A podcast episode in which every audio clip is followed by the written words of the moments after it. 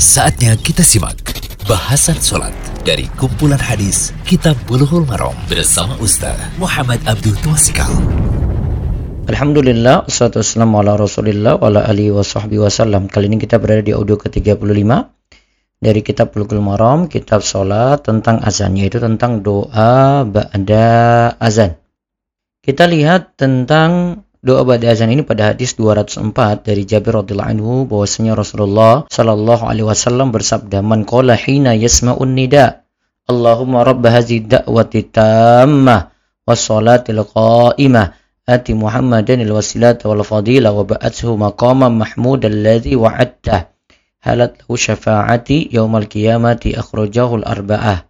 Dari Jabir radhiyallahu anhu Rasulullah sallallahu alaihi wasallam berkata Siapa yang mengucapkan setelah mendengar azan Allahumma rabb hazihi da'wati tammah wassalatul qa'imah ati Muhammadanil wasilat wal fadilah wa ba'at maqama mahmud allazi wa'atta artinya ya Allah Rabb pemilik dakwah yang sempurna ini yaitu dakwah tauhid salat yang ditegakkan berikanlah kepada Muhammad wasilah kedudukan yang tinggi dan fadilah kedudukan lain yang mulia dan bangkitkanlah beliau sehingga bisa menempati makom kedudukan terpuji yang telah engkau janjikan padanya, maka dia akan mendapatkan syafaatku kelak dikeluarkan oleh yang empat.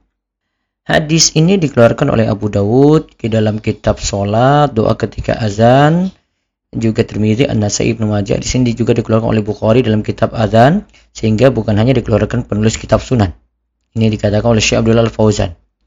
Ada dua tambahan dalam lafaz sudah azan yaitu wadaraja ar-rafi'ah. Dikeluarkan oleh Ibnu Sunni dalam amal yaum wal laila ini tambahan mudraj dan termasuk tambahan yang tidak ada asal usulnya. Jadi tidak perlu kita tambah dengan wadaraja ar-rafi'ah. Juga tambahan inna la tukhliful mi'ad ditambahkan di akhir bacaan azan di atas.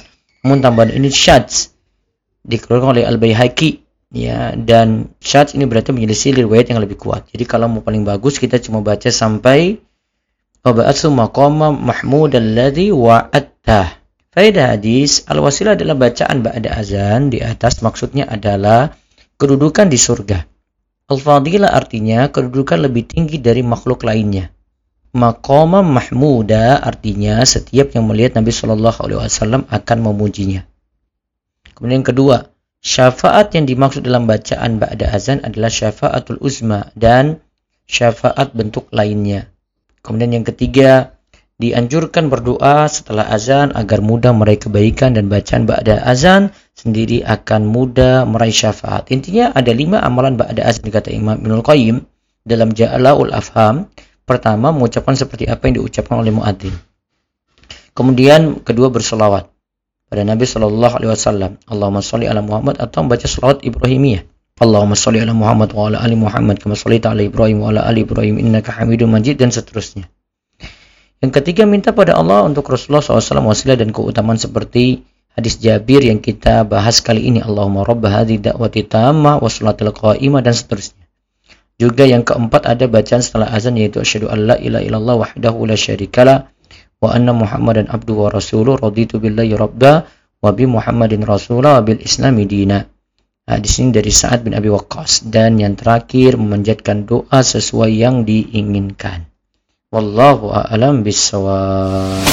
Demikian bahasan solat dari kumpulan hadis Kitab Bulughul Maram bersama Ustaz Muhammad Abdul Tuasikal.